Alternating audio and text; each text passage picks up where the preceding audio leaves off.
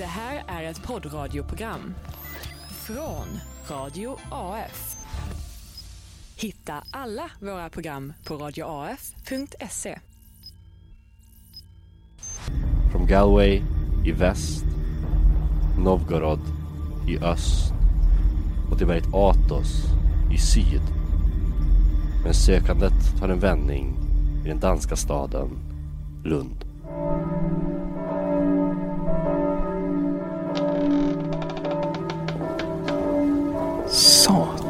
Skulle känna igen mig nu. Ser ju fruktansvärd ut i håret. Neo. Tjena. Hej! Dicken.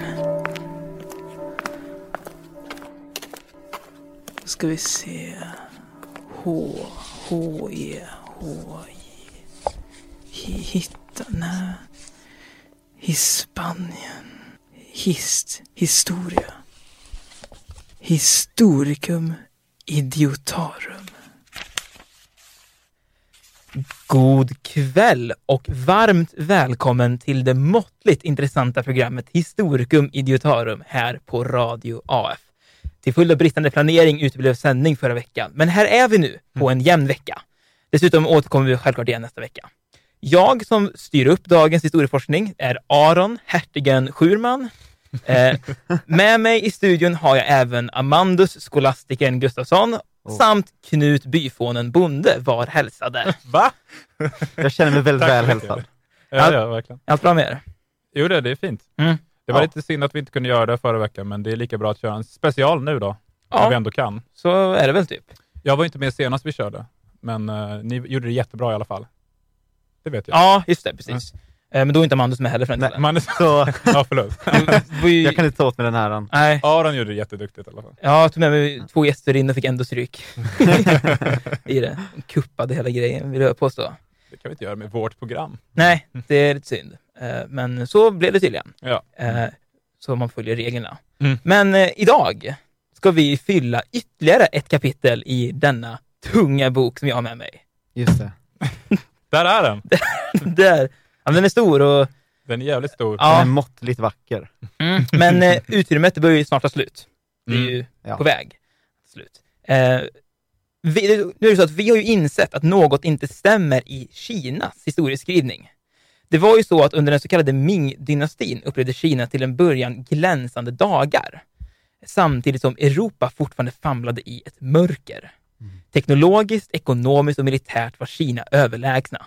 Vissa historiker menade att Kina till och med var nära en industriell revolution flera hundra år innan britterna upptäckte kolets revolutionära funktion. Men något hände.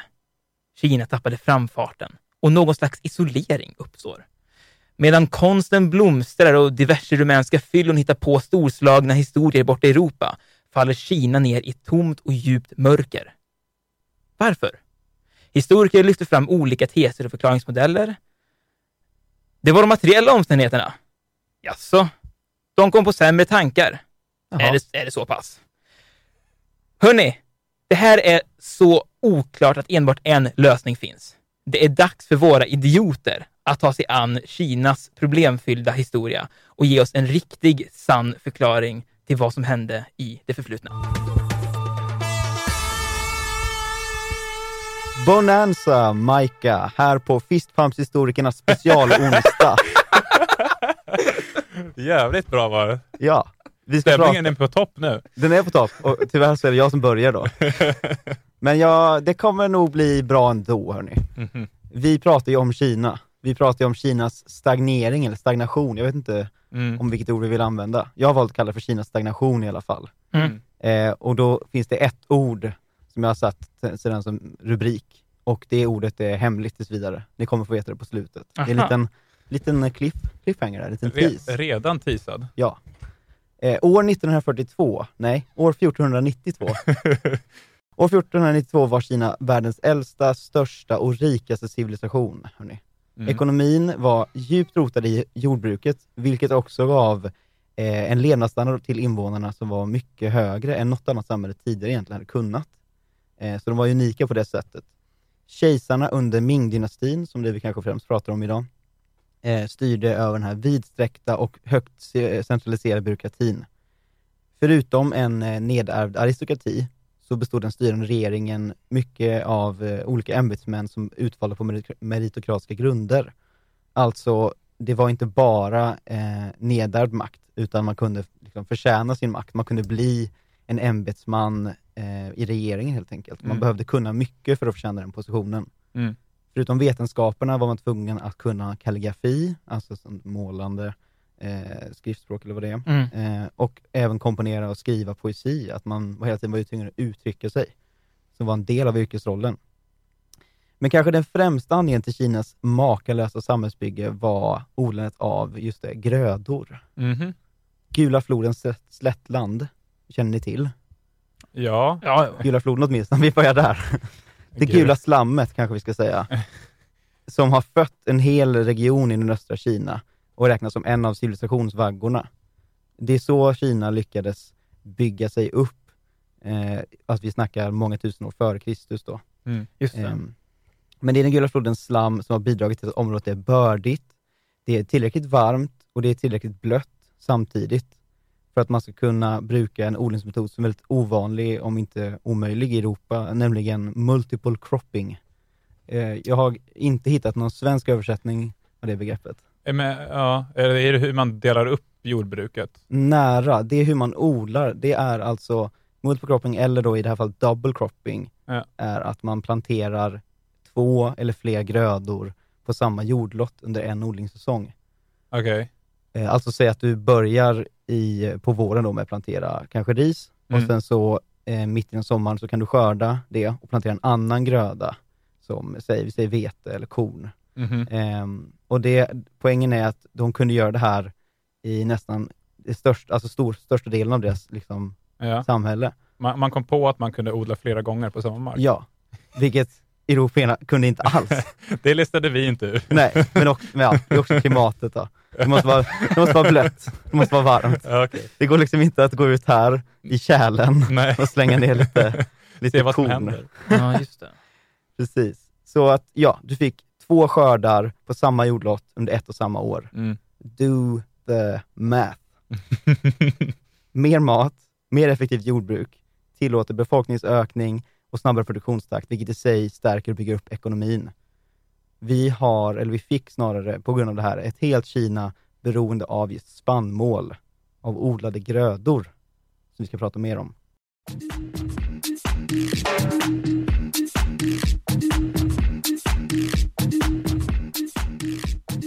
Olivia Prince Club här på Radio AF, Historikum Idiotarum. Vi pratar om Kinas stagnation. Jag har precis konstaterat att vi hade på 1400-talet ett Kina som var helt beroende av sitt spannmål, sina grödor.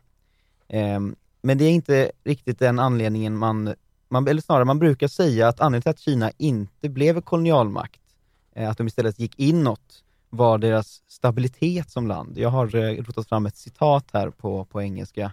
The stability of the Ming dynasty, economy, arts, society or politics promoted a belief among the Chinese that they had achieved the most satisfactory civilization on earth and that nothing foreign was needed or welcome. Mhm. Oj, oj, oj. Nöjd! Så otroligt nöjda var Vi behöver inget mer. Nej. Eh, och dels, det som bidrog till den här attityden var ju eh, den här odlingen som jag pratade om, den här multiple cropping. Mm. Att de kände så här att vi kan minsann bevattna effektivt. Eh, man tänker på de här eh, ikoniska risterrasserna, ni vet. Vi kan skörda dubbelt upp, tre gånger, tredubbelt upp från de här europeiska barbarerna där borta. Mm. Just det. Just. Vårt samhälle är fulländat.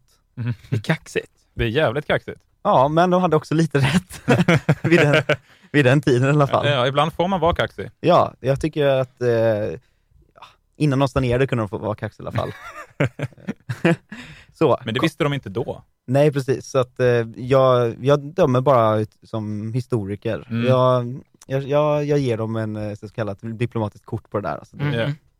Eh, men i alla fall, eftersom han hade attityden så var kontakten med Europa väldigt sparsmakad från Kinas håll. Eh, men som vi vet så var det från europeiskt håll kanske mycket mer ivrigt. Det var ganska på.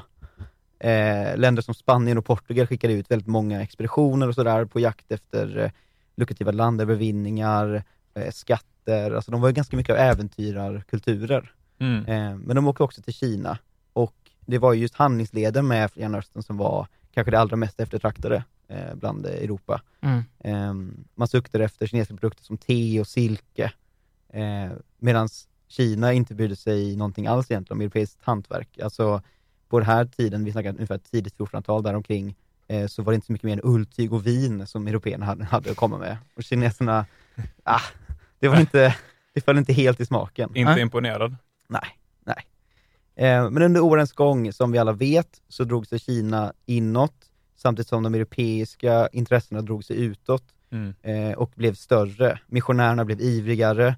Eh, det hade ju eh, sedan länge funnits katolska jesu jesuiter i Kina, alltså även, på, um, även bland eh, hovet. Mm. Att man har hållit dem som eh, eh, rådmän och rådgivare och sådär. Mm. Ehm, handelsmän, diplomater, militärer, alla fick större närvaro i Kina. Eh, och de tog med sig sina seder då som, förutom ulltyg och vin, också var ätandet av vetebröd. Här har vi en viktig sak. Aha. Kinas stora fall, hörni, Ja. deras stagnation under Ming-dynastin, började med en kejsares förtjusning i detta ljusa bröd. På ett tiotal år så blev vetet nästan lika stort odlat som riset. Mm. Alltså att det sköt i höjden på bara ett decennium. Mhm. Att eh, de fick smak för det helt enkelt. Mm. Men så kom den här, den här historien, där jag skulle säga, säga revolutionerande kontrafakt, inte kontrafaktiska, eh, sanna. Ja, ja, men rätt rätt. du själv? Eh, jag vet inte vad du pratar om. Nästan över en natt hörni, så drabbades majoriteten av den kinesiska befolkningen av, ni har kanske redan anat det, glutenintolerans. Ah. Ja. Och ingen vet riktigt varför. I mina källor har jag hittat många historiker som dokumenterade klagan över sin veteåkomma, Mm. men bara en föreslagen teori. Och den var att det var barbarerna från väst som hade förstört det fulländade Kina. Med de dåliga magarna så sinade den kinesiska makten och Europa blev till stor del historiens segrare på världsscenen. Ja. Men det finns en twist. Vetet är än idag den näst mest förekommande grödan i Kina. Kanske har de hittat ett botemedel mot glutenintolerans Ja. och inte sagt något. Ja, ja, ja. Endast framtiden kan visa.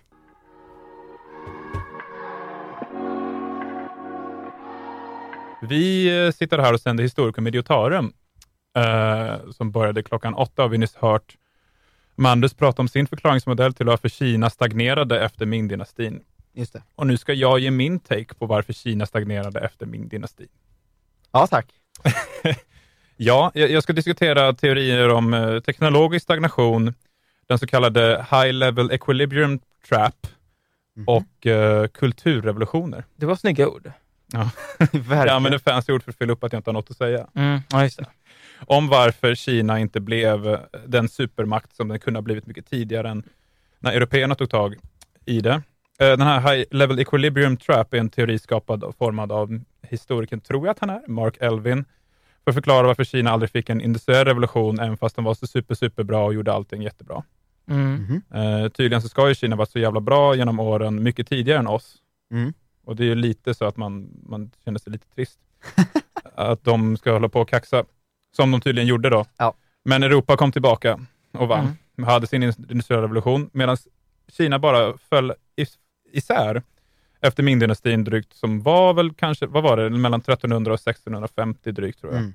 Så började krackelera och framförallt Europa tog tag i sin utveckling. Det bru- det brukar förklaras om varför det gick neråt till att de inte hade någon kapitalism, var en förklaring. Mm. Medan vi kunde formulera den ganska bra rejält i Europa. De hade för stor stat. De hade för mycket folk. Ja. De hade ingen kristen etik. Ja, just det. De hade bara så, vad de så kallade yes-sayers. Som Mm. bara, det här går skitbra, vi fortsätter med vår grej. Och ingen som kommer och problematiserade om varför eh, inget, att vi bara fortsätter göra, liksom, som är, stagnerar och inte utvecklas. Så att de bara, men det funkar asbra, vi kör bara på. eh, och så var de ju dåliga imperialister. Ja. Och utan imperium så blir det, får du ingen utveckling. Det Nej. Det är, ja, men det är en rimlig förklar- förklaringsmodell tycker jag ändå. Ja, bra. Mm. Men det var ju framförallt den tekniska utvecklingen. Alltså i Kina så hade man ju funnit sätt att mäta tid, bland annat, eh, långt innan européerna.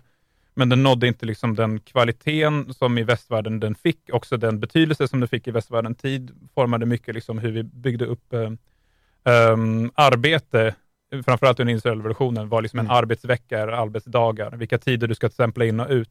Ja. Uh, även fast liksom att mäta tiden fanns i Kina så hade inte de den. Skrivbart papper kom också först i Kina, men européerna hade ju boktryckarkonsten som var mycket mer vidspridd och ett enklare språk att få ner det på än liksom, um, skriftspråket som man hade i Kina. Mycket Mm. svårare att masstrycka. Uh, maskiner som spin Spinning Jenny skapades aldrig i Kina, även fast det fanns alla möjligheter i världen att den skulle kunna finnas där Mm. eftersom att man har kommit så långt med allt annat. Utformningen av jordbruket blev inte hållbart för ett växande samhälle då hanteringen av blöta risfält i syd var småskaligt och omöjligt för finkänsligt maskineri att kunna fixa med allt det där. Uh, torra risfält i norr flyttade folk söderut som ansågs vara mer effektivt och det tog bort möjligheten för folk att utveckla den rådande skötseln. Mm. Det var massa saker som inte fungerade. Det här har jag då så, jag har, gick eh, en kurs i ekonomisk historia. Lärde oss mycket om varför Kina då stagnerade genom den tekniska utvecklingen. Aha. Eh, Så jag läser lite från den, om man säger så. Eller vad jag har lärt mig från den rådande historieskrivningen som inte stämmer, som vi alla vet. Ja, exakt. Ehm, och utöver den då tekniska stagnationen så var befolkningen ett problemområde som kommer med den här då high level equilibrium trap, uh, som menar att det uppstår svåra chanser för teknisk utveckling om utbudet möter efterfrågan, samt att befolkningen ökar. Befolkningsökningen blir större eh, än produktionen, vilket leder till högre priser eh, för folket med låg köpkraft och överflöd av arbetskraft. Så att liksom, det fanns jättemycket, men folk hade inte pengar för att köpa det här jättemycket. Ja, just Det är det. konstigt liksom att, att när det väl blir bra och väldigt Mm. stabilt och mycket saker som finns, så kan inte folk köpa dem, även fast de borde. Liksom. Ja. Så, så, så, att det går bra kan tydligen vara dåligt, enligt den här teorin. um, och med höga priser på viktigt material kunde exempelvis inte transportväsendet bli mer effektivt, samtidigt som naturresurserna börjar sina. För det, vi vet ju det, att naturresurser sinar. Naturresurser, Ja. naturresurser är något helt annat. Eh, Europa, Europa nådde inte de här befolkningsproblemen, dels på grund av att jättemånga dog hela tiden. Just det, det hände. Eh, det gjorde de inte i Kina, då överlevde man ju hela tiden. Ja, Mm. Eh, så det var ju ett av problemen då. Men, att, de, att de hade så mycket folk. Ja. Eh, också ett problem idag. Men jag ska, det kommer vara lite vad som har hänt idag också, för det finns en historisk koppling om varför Kina blev som det blev nu, mm. till varför det blev som det blev under Ming-dynastin. Och det har inte med teknisk utveckling att göra, utan Okej. någonting helt annat.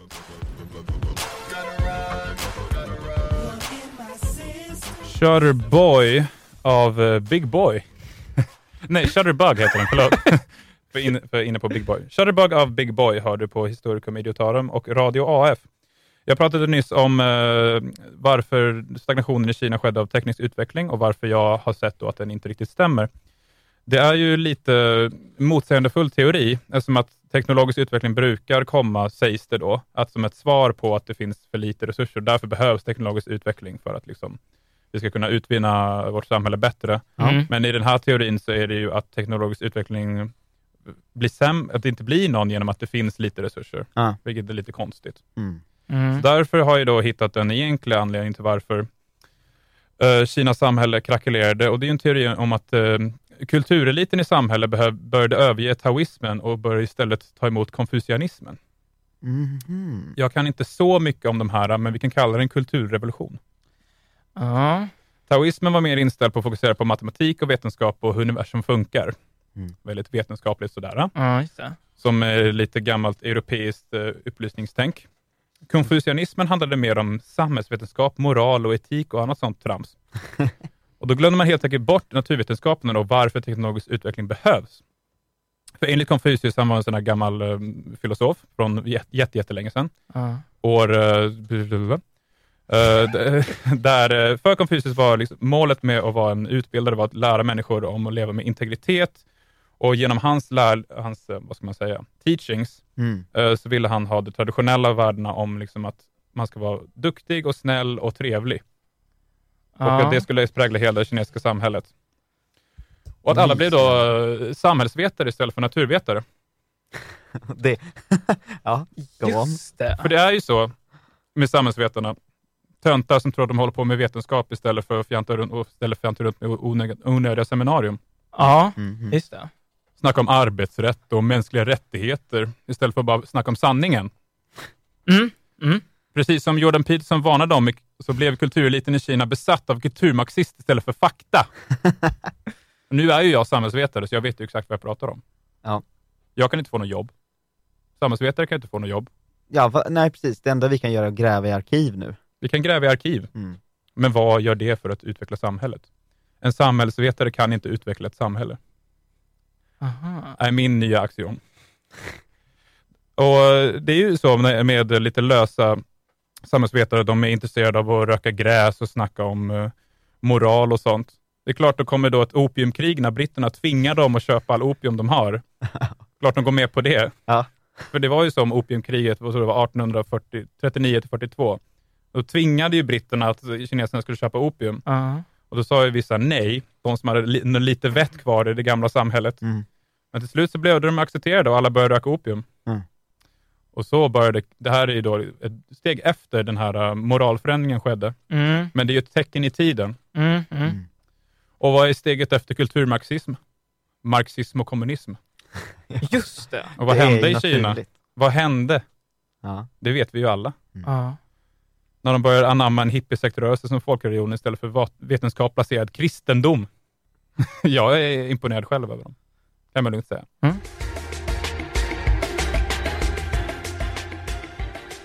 Och det här var eh, H.O.R.S.E.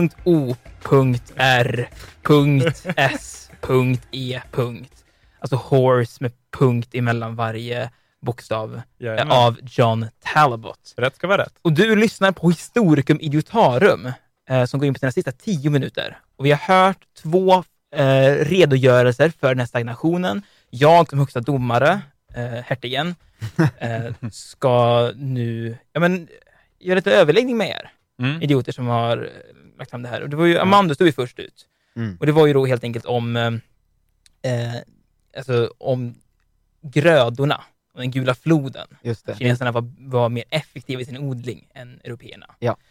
Eh, och så först undrar jag liksom då om den här, eh, att de var så mycket bättre. Eh, och du påstår att det hade att göra med klimatet. Du tror inte att det kan, kan ha någonting att göra med Theodorus resor för 10 000 år sedan när han reste runt och TED-talkade igenom en, en, en eh, neolitisk revolution? Jag vet ju att vi har eh, skrivit in det som sanning. Mm, kapitel 4. Just det. Mm. Och eh, jag skulle snarare säga att det finns en synergi här. Att eh, idé och eh, klimat kan samverka. Mm. Eh, du kan, eh, exempel, alltså en, en droppe vatten kan ju såklart eh, spä på en idé. Mm. Och jag tror det är det som skedde i, i längs med Gula floden. Ja, okej.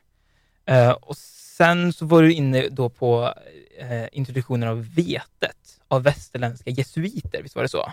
Mer eller mindre. Ja. Missionärer som kom hit med vete och eh, på så vis förstörde, eh, eller åtminstone stagnerade, det här eh, imperiet. Det är ju inifrån. Kinas egna historieskrivning just det där också. Vi vet faktiskt egentligen inte eh, vem som, alltså, vi vet, vet att vetet, vetet kommer från väst. Ja, just. Men eh, vad som egentligen orsakar det här eh, odlingen och, och stagnerandet, ja, det, Mm. alltså vad som orsakar själva glutenintoleransen med, det mm, Men de kristna förstörde liksom inte på andra vis. Jag tolkar det som en vedertagen sanning att det var på grund av kristendomen och kristendomen enbart som medeltiden var en extremt mörk period ja. eh, i Europa. Ja. Om det kommer kristendom till Kina, är det bara vete de med sig eller är det liksom en, en eh, fullständig eh, trokollaps? Ja.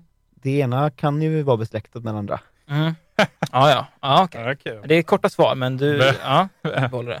Eh, Knut, Jajamän. du har som forskning, eller du som bakgrund att du har läst en kurs i ekonomisk historia. Ja. Och det är ju många svåra ord och så här, diverse fällor Mm. eh, som plötsligt helt försvinner ur bilden. För, Mm. för att det har liksom ingenting med saken att göra. Utan vi måste förstå det hela ur ett perspektiv om, ehm, om konfucianism kontra taoism. Ja. Eller ja, eller att liksom den eh, förklaringsmodellen som vi har, jag har blivit lärd Mm. eh, är motsägelsefull i sin, ja, i sin grund. Mm. Och därmed så måste man då, som jag inte brukar göra, söka mig åt mer idealistiska förklaringar till Ja, ja. Mm. Jag förstår. Eh, I och med att det är alltså samhällsvetare som tar över Mm. eh, på det. Och och jag kan ju uppskatta det idealistiska perspektivet. Mm. Eh, vi vet ju, eh, i och med exempelvis neolitiska revolutionens grund med Theodorus, som jag förut nämnde, Mm. att Ja, eh, ja, ja. det idealistiska...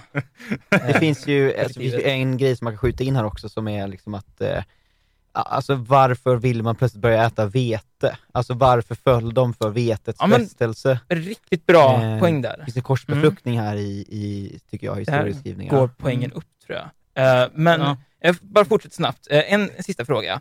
Eh, hur kommer det sig dock att konfucianister orsakade en isolering i, eh, i Kina? För de är väl globalister, de här Mm. samhällsvetarna? Eh, Ja. Förefaller det inte mer naturligt att sanningssägande nationalistiska naturvetare isolerar Kina? Ja, för det är ju så att om, eh, om den nationalistiska ådran hade tagit över, hade också viljan att expandera tagit över och vad som skulle innefattas inom det kinesiska väldet. Det blev ju inte så eftersom att eh, globalister är antiimperialister och därmed stannar bäst hemma Mhm. och därmed kan utveckla samhället, eller försöka utveckla samhället på det sättet. Just eh, begränsningen av den teknologiska framfarten som kom av konfucianismens intåg gjorde ju också att det inte fanns möjlighet till någonting annat, utan Mm. man behövde bara stanna hemma och röka sitt opium istället. Just det. Mm. Ja, men det täcker upp det bra. Mm. Vet du vad, jag har mycket att fundera på. Eh, Mm. Så vi tar väl en liten eh, paus, så ska jag återkomma strax med resultatet om eh, vad vi ska skriva in i kapitel 6 av Historikum Militarum. Honey av Robin. Och eh, hörni, det är dags att, eh, menar, att fatta ett beslut här Mm. om eh, vad som ska stå i det här kapitlet, om vad som orsakade Kinas stagnering. Och väldigt kortfattat igen så har vi då helt enkelt, ja, det är ju Knut, du om eh, ehm, den här idealistiska synen på eh, ja, men samhälls... Mm. Man glömde bort- ja, men liksom, Man glömde bort naturvetenskapen Ja. i förmån för samhällsvärderingen och det blev liksom den slutgiltiga Ja, eh, det- kulturmarxistiska kollapsen. Ja. Uh, Amandus var inne mer, även om lite på idealistiska fronten, mer en materialistisk syn på hur det är med, dock med västerlänningar som kommer in eh, och, eh, och liksom förstör inifrån, ungefär lite som, som smålänningarna gjorde eh, i Rom. Det har, ju, Eh, Ja, det, det har ju hänt förut, så det finns ju, finns ju många intressanta spår i bägge. Ja. Så, eh, så att Knut, eh, det, ja, men det följer en del på att det inte fanns så jättemycket förklaring i vad, eh, vad som hände där under de här åren som det faktiskt åsyftade. Där. Så du har fått 6 av 24 dynastier i, Det är inte så i många. forskning. Nej, men det, Det- vad blir om vi bryter ner det? det finns fler. Bryter ner mig. Um, och Amandus har, ju- har ju tagit med sig eh, forskningen då om då, igen, västerlänningar med vetet, men det faller också en liten del på var, vad är förklaringen till att de plötsligt bara eh, nu kan hantera det, om man följer deras eh, historieskrivning. Lite oklart. Mm. Eh, Amandus, din forskning har fått fyra av 24 dynastier. Det bryter ner den. Det var inte så starkt idag. Så det är, eh, så är det när inte jag forskar, helt Nej, enkelt. Ja, tydligen. Mm. Så jag har med mig boken här nu eh, och det är ju bara att doppa fjäderpennan i bläcket och skriva i att det som orsakade stagneringen i Kina, det var ju uppenbarligen eh, kulturmarxism. Åtminstone det blev resultatet av det. Mm. Av den, den övergången till konfucianism och eh, ett eh, inre sabotage. Så, Mm. är, så var det. Så var det. Mm, Och så var det sagt. Och eh, den absoluta skolan, Historicum Militarum, som berättar sanningen som det verkligen är, får lägga ner för idag. Mm. Tack så mycket för att du har lyssnat där hemma. Eh, och tack eh, Knut, byfånen, bonde och. Ama- Amandus, skolastikern Gustafsson, för era givande eh, forskningar. Tackar. Eh, och eh, ja, vi hörs igen nästa vecka. Just Du, det. du heter Aron. Jag heter Aron. det är mitt namn det. Då är vi tillbaka på vår eh, vanliga timme. Ja, visst är det så. Mm. Tack för att du har lyssnat. Hej då. Hej då. Hej då.